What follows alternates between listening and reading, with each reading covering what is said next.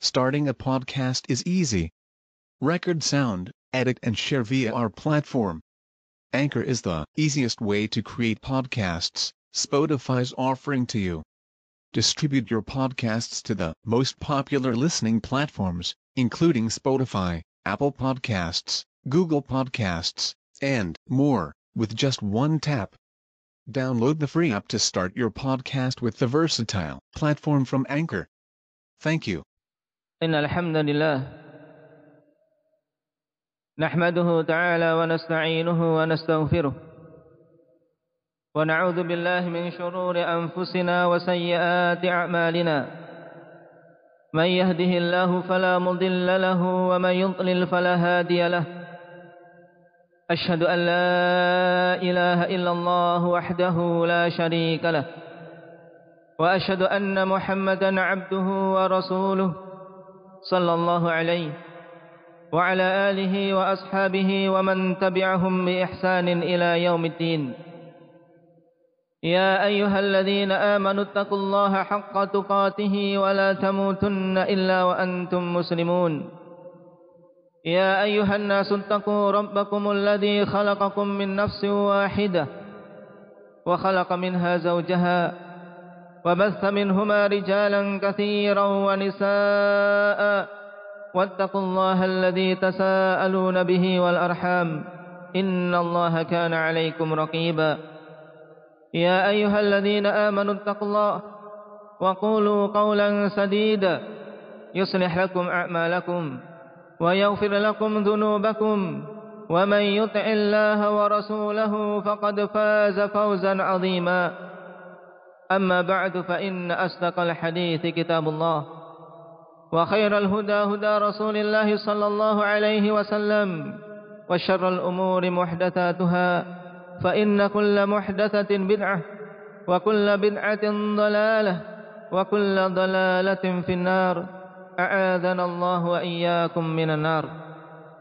أيها الناس عباد الله يقول الله تبارك وتعالى في كتابه الكريم ألم تروا أن الله سخر لكم ما في السماوات وما في الأرض وأسبغ عليكم نعمه ظاهرة وباطنة ومن الناس من يجادل في الله بغير علم ولا هدى ولا كتاب منير Allah Subhanahu wa taala telah berfirman dalam kitabnya yang mulia Bukankah Allah Subhanahu wa taala telah menundukkan kepada kalian apa-apa yang ada di langit dan bumi perkara-perkara yang ada di jagat raya ini Allah Subhanahu wa taala tundukkan untuk manusia-manusia ini.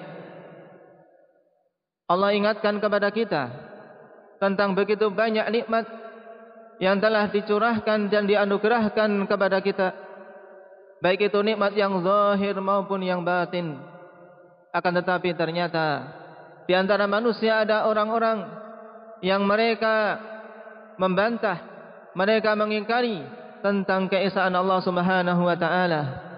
Tidak mau menisbahkan nikmat tersebut kepada Allah Subhanahu wa taala dan yang lainnya tidak mau mensyukurinya.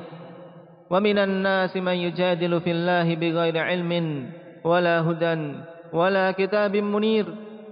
Yang mereka bangun pengingkaran tersebut kekufuran tersebut tanpa di atas ilmu sama sekali tanpa di atas petunjuk tanpa di atas cahaya yang menerangi.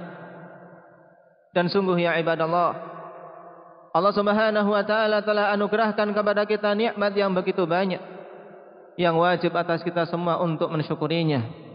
Pada setiap nikmat-nikmat yang ada karena sungguh kenikmatan tidak akan hilang dari seorang hamba sampai dia berusaha dengan tangan-tangan sendiri menghilangkan nikmat tersebut anna Allah lam yakum mughayyiran ni'matan an'amaha 'ala qaumin hatta yughayyiru ma bi anfusihim yang demikian itu dikarenakan Allah Subhanahu wa taala tidaklah akan mengubah nikmat yang Allah Subhanahu wa taala berikan kepada suatu kaum sampai mereka mengubah dengan tangan-tangan mereka sendiri. Dengan kekufuran dengan kemaksiatan dengan kebid'ahan-kebid'ahan dan dengan penyelisihan terhadap syariat Allah tabaraka wa taala.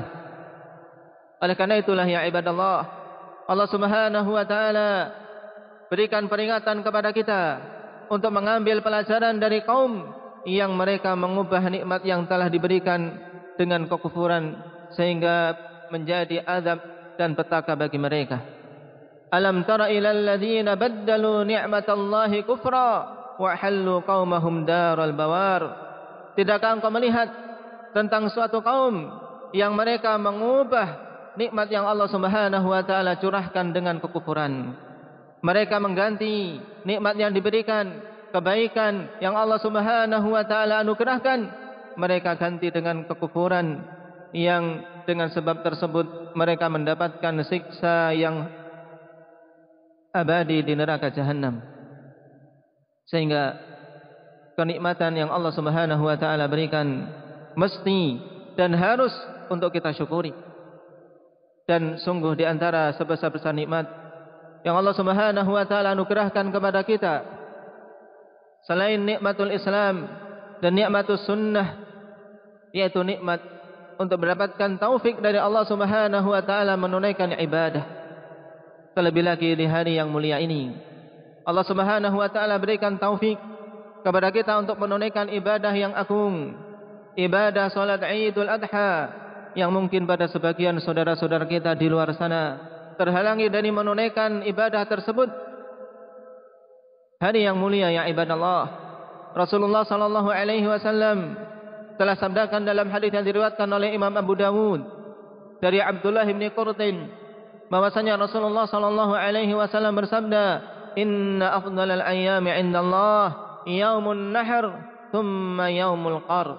Sungguhnya seagung-agung, seutama-utama hari di sisi Allah Subhanahu wa taala adalah hari Nahr, yaitu hari Idul Adha, hari penyembelihan hewan korban di tanggal 10 Dzulhijjah.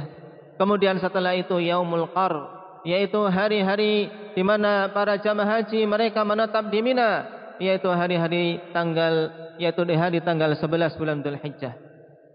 Dan kita berada di hari yang utama ya ibadallah bahkan hari yang paling utama di sisi Allah Subhanahu wa taala. Oleh karena itulah ketika seorang hamba membuka hari tersebut dengan peribadatan kepada Allah tabaraka wa taala dengan mentauhidkan Allah Subhanahu wa taala maka sungguh ini merupakan nikmat yang agung yang wajib kita mensyukurinya. Selain nikmat-nikmat yang lain yang Allah Subhanahu wa taala telah berikan kepada kita. Dan pembicaraan tentang hari Idul Adha serta pembicaraan seputar ibadah udhiyah. Demikian pula ibadah haji ya ibadah Allah tidak terlepas dari pembicaraan tentang keluarga yang mulia tentang sebuah keluarga yang mubarakah yaitu keluarga Nabiullah Ibrahim alaihi salatu wassalam. Ibrah yang begitu banyak. Dari keluarga yang diberkahi oleh Allah Subhanahu wa taala ini ya ibadah Allah oleh karena itulah mari sejenak. Dalam waktu yang singkat ini kita mengambil sebagian pelajaran dari pelajaran-pelajaran yang ada pada keluarga tersebut. Keluarga yang dibangun oleh seorang uswah yang Allah Subhanahu wa taala telah katakan inna qad kanat lakum uswatun hasanatun fi Ibrahim wal ladina ma'ah. Sungguh telah ada bagi kalian suri teladan yang baik pada Ibrahim dan orang-orang yang bersama dengan beliau dari para anbiya dari para rasul yang mereka menyeru kepada tauhidullah tabaraka wa taala. Bagaimana tidak beliau menjadi teladan bagi kita semua ya ibadallah. Allah Subhanahu wa taala telah puji dengan pujian yang begitu banyak di dalam Al-Qur'an. Inna Ibrahim kana ummatan qanitan lillahi hanifan wa lam yakun minal musyrikin. Sungguhnya Ibrahim adalah seorang ummah yaitu seorang imam, seorang teladan yang senantiasa tegak di atas ketauhidan kepada Allah Subhanahu wa taala dan meninggalkan kesyirikan.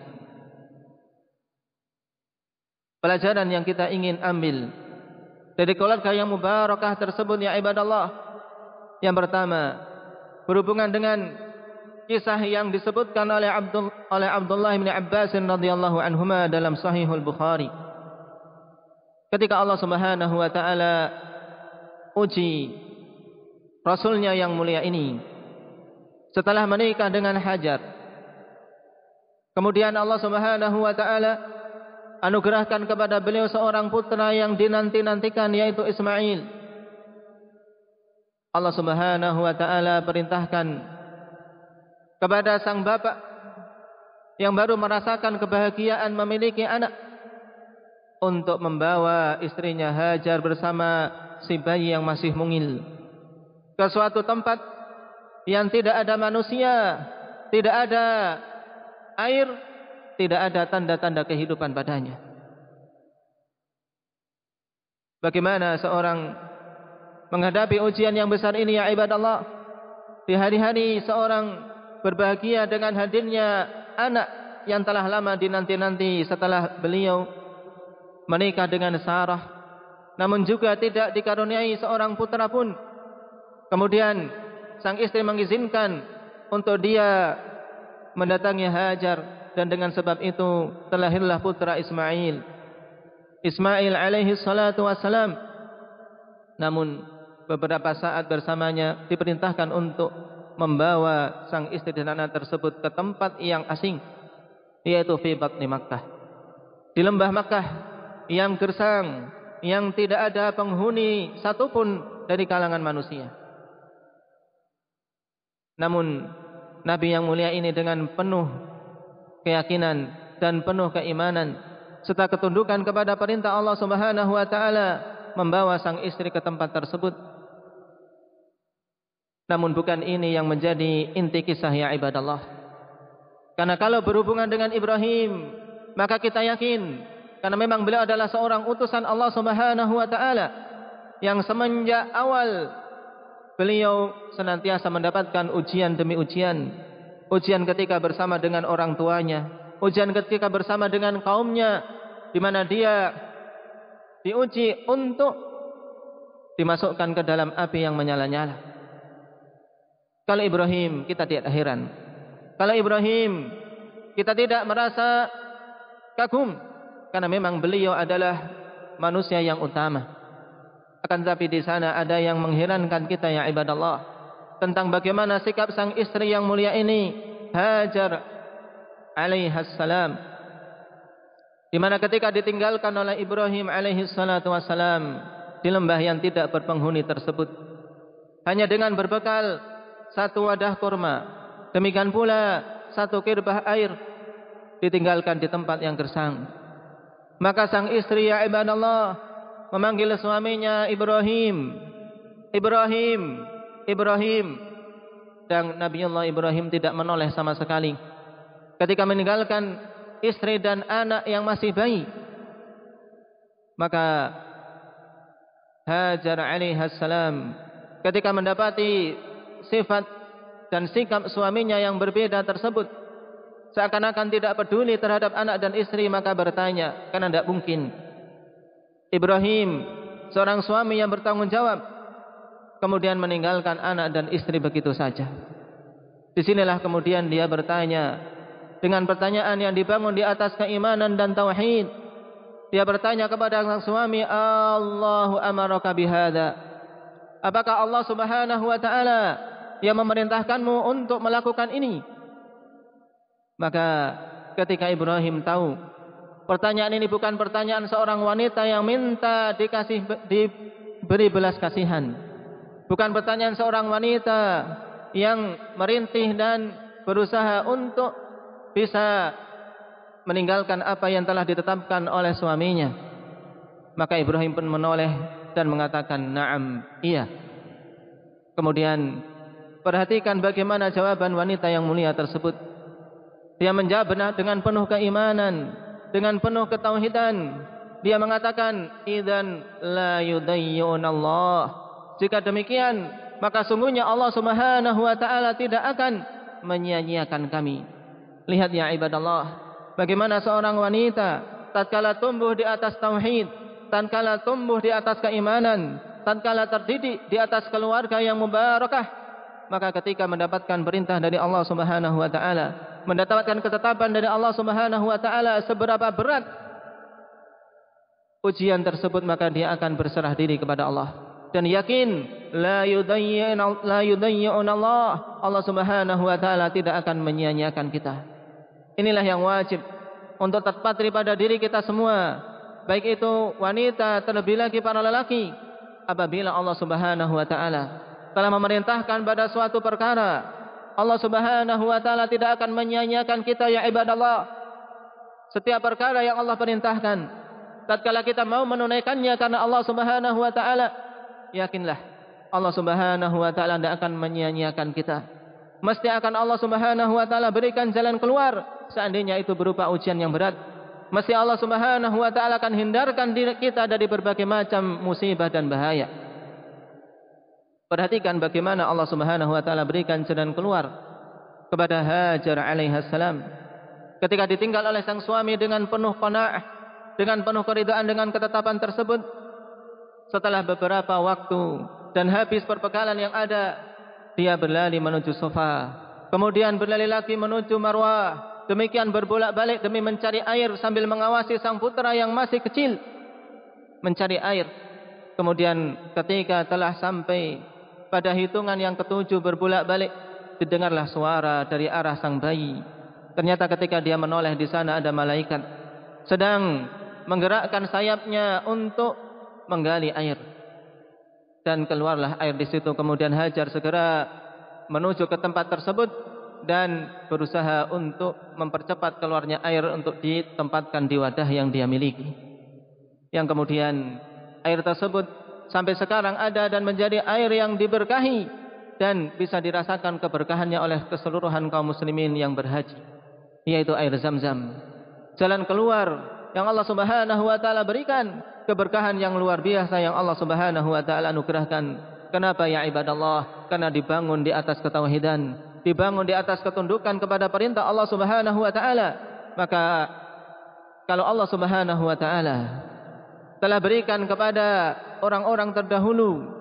Ketika mereka betul-betul menunaikan perintah Allah maka demikian pula yang kita wajib yakini. Siapa saja yang menunaikan perintah Allah siapa saja menunaikan kewajiban-kewajiban dari Allah Subhanahu wa taala maka la yudayyi'un Allah. Baik itu salat baik itu jamaah baik itu perkara-perkara yang lain jangan sampai terpatri pada diri kita.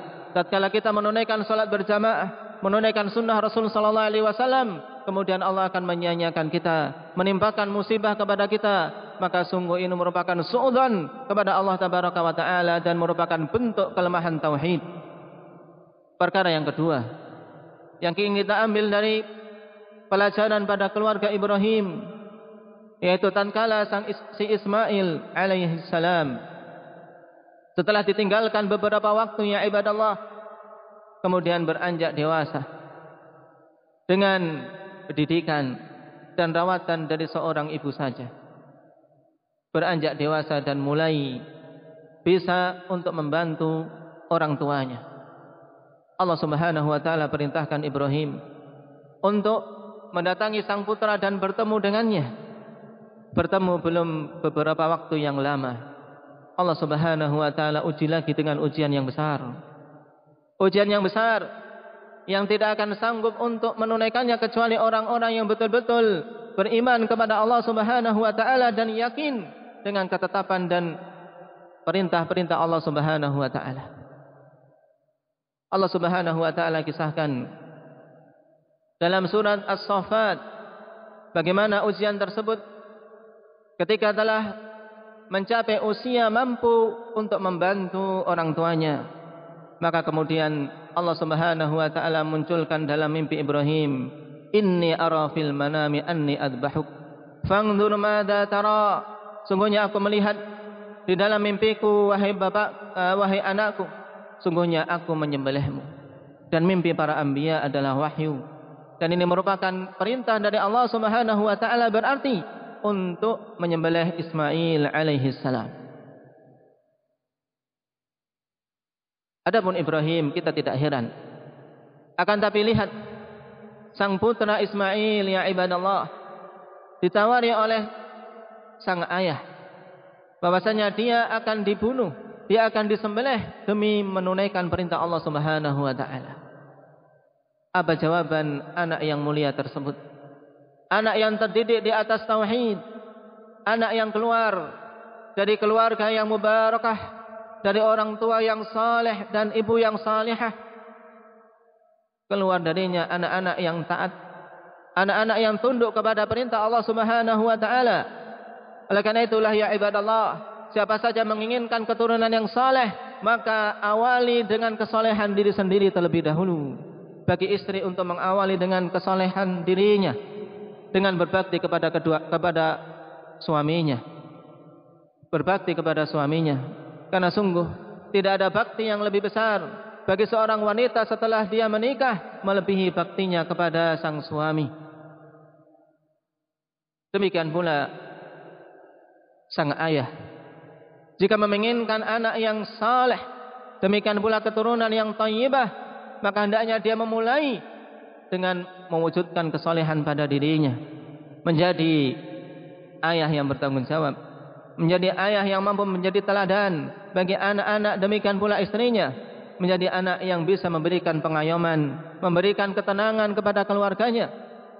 Dan yakin siapa saja memujudkan ini ya ibadallah maka Allah Subhanahu wa taala akan berikan keturunan-keturunan yang baik sebagaimana Allah Subhanahu wa taala telah anugerahkan kepada Ibrahim alaihi salam. Mari kita lihat jawaban Ismail. Ketika beliau ditanya seperti itu, "Fangdur madza tara?" Qala ya abati fa'al ma tu'mar, satajudini insyaallah minas sabirin. Wahai bapakku, tunaikanlah apa yang diperintahkan kepadamu maka sungguh engkau akan mendapatiku sebagai seorang yang bersabar. Subhanallah. Allahu Akbar. Seorang anak ditawari oleh orang tuanya untuk disembelih. Dengan begitu sabar, dia menerima selama itu adalah perintah dari Allah Subhanahu wa taala. Karena dia yakin sebagaimana dulu ibunya yakin tatkala seorang menunaikan perintah dari Allah maka Allah Subhanahu wa taala tidak akan menyia-nyiakannya. Tidak akan menyia-nyiakannya. Dan benar ya ibadah Allah karena yang diinginkan adalah ujian untuk menguji keimanan dan ketauhidan seorang hamba bukan untuk menyakiti dan bukan untuk melenyapkan ataupun membinasakan hamba-hambanya Allah Subhanahu wa taala menguji kita semua ya ibadallah untuk diketahui mereka-mereka yang betul keimanannya dari mereka-mereka yang berdusta. Demikian pula dari generasi yang terdahulu. Maka tatkala Ibrahim demikian pula Ismail telah berserah diri kepada Allah bertekad menunaikan apa yang Allah Subhanahu wa taala perintahkan. Ketika pisau sudah sangat dekat dengan leher sang putra maka Allah Subhanahu wa taala pun ganti Ismail dengan seekor kambing sebagai bentuk korban yang Allah yang diberikan dan dipersembahkan oleh Nabi Allah yang mulia ini. Dan kemudian menjadi sunnah sampai sekarang dan sampai hari kiamat menjadi sunnah udhiyah sunnah yang senantiasa dihidupkan menjadi ibadah yang agung yang Allah Subhanahu wa taala gandingkan dengan ibadah salat. Fasalli li rabbika wanhar. Salatlah engkau dan sembelihlah hewan kurban. Ini dua perkara yang ibadah yang Allah Subhanahu wa taala contohkan kepada kita semua. Baik dalam Al-Qur'an. Demikian pula Rasulullah sallallahu alaihi wasallam sebutkan dalam As-Sunnah. Maka siapa saja menginginkan teladan yang baik maka teladani keluarga yang mubarakah tersebut. Kita memohon pada Allah Subhanahu wa taala agar Allah Subhanahu wa taala jadikan keluarga kita keluarga yang diberkahi. Dan Allah Subhanahu wa taala jadikan keturunan kita sebagai keturunan-keturunan yang diberkahi dan keturunan yang thayyibah mubarakah sebagaimana pula kita memohon kepada Allah Subhanahu wa taala agar menerima amalan-amalan yang kita tunaikan walaupun masih begitu banyak kekurangan. Allahumma inna nas'aluka al-huda wat tuqa wal afafa wal ghina. Allahumma atina fid dunya hasanah wa fil akhirati hasanah wa qina adhaban nar. Wa sallallahu ala Muhammadin wa ala alihi wa ashabihi ajma'in. Walhamdulillahirabbil alamin.